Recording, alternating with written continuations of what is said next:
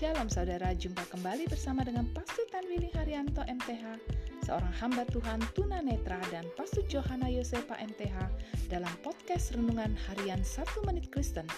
Di dalam podcast ini, kami membagikan kebenaran dari Alkitab yang dimulai dari kitab kejadian sampai kitab Wahyu. Selamat menikmati.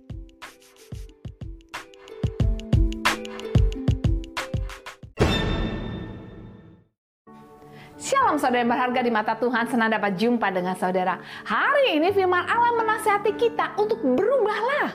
Sesudah Musa mengulangi peringatan-peringatan, Firaun masih menolak untuk taat kepada Allah. Firaun mengeraskan hati setiap kali tulah berhenti. Kekerasan hati Firaun untuk taat membawa penderitaan atas diri Firaun sendiri dan atas seluruh orang-orang Mesir. Sementara ketekunan adalah baik. Kekerasan hati biasanya berpusat pada diri sendiri.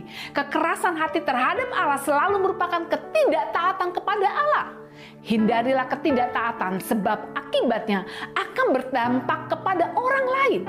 Saudaraku, firman Allah mengatakan, "Berbahagialah orang yang menghormati Allah, tetapi orang yang mengeraskan hatinya akan ditimpa bencana."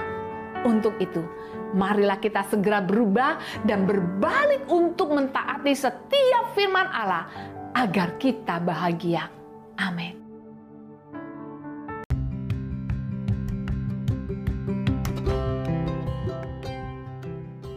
Terima kasih saudara telah mengikuti podcast Renungan Harian 1 Menit Kristen.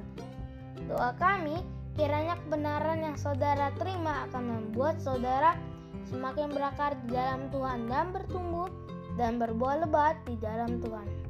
Tuhan Yesus memberkati.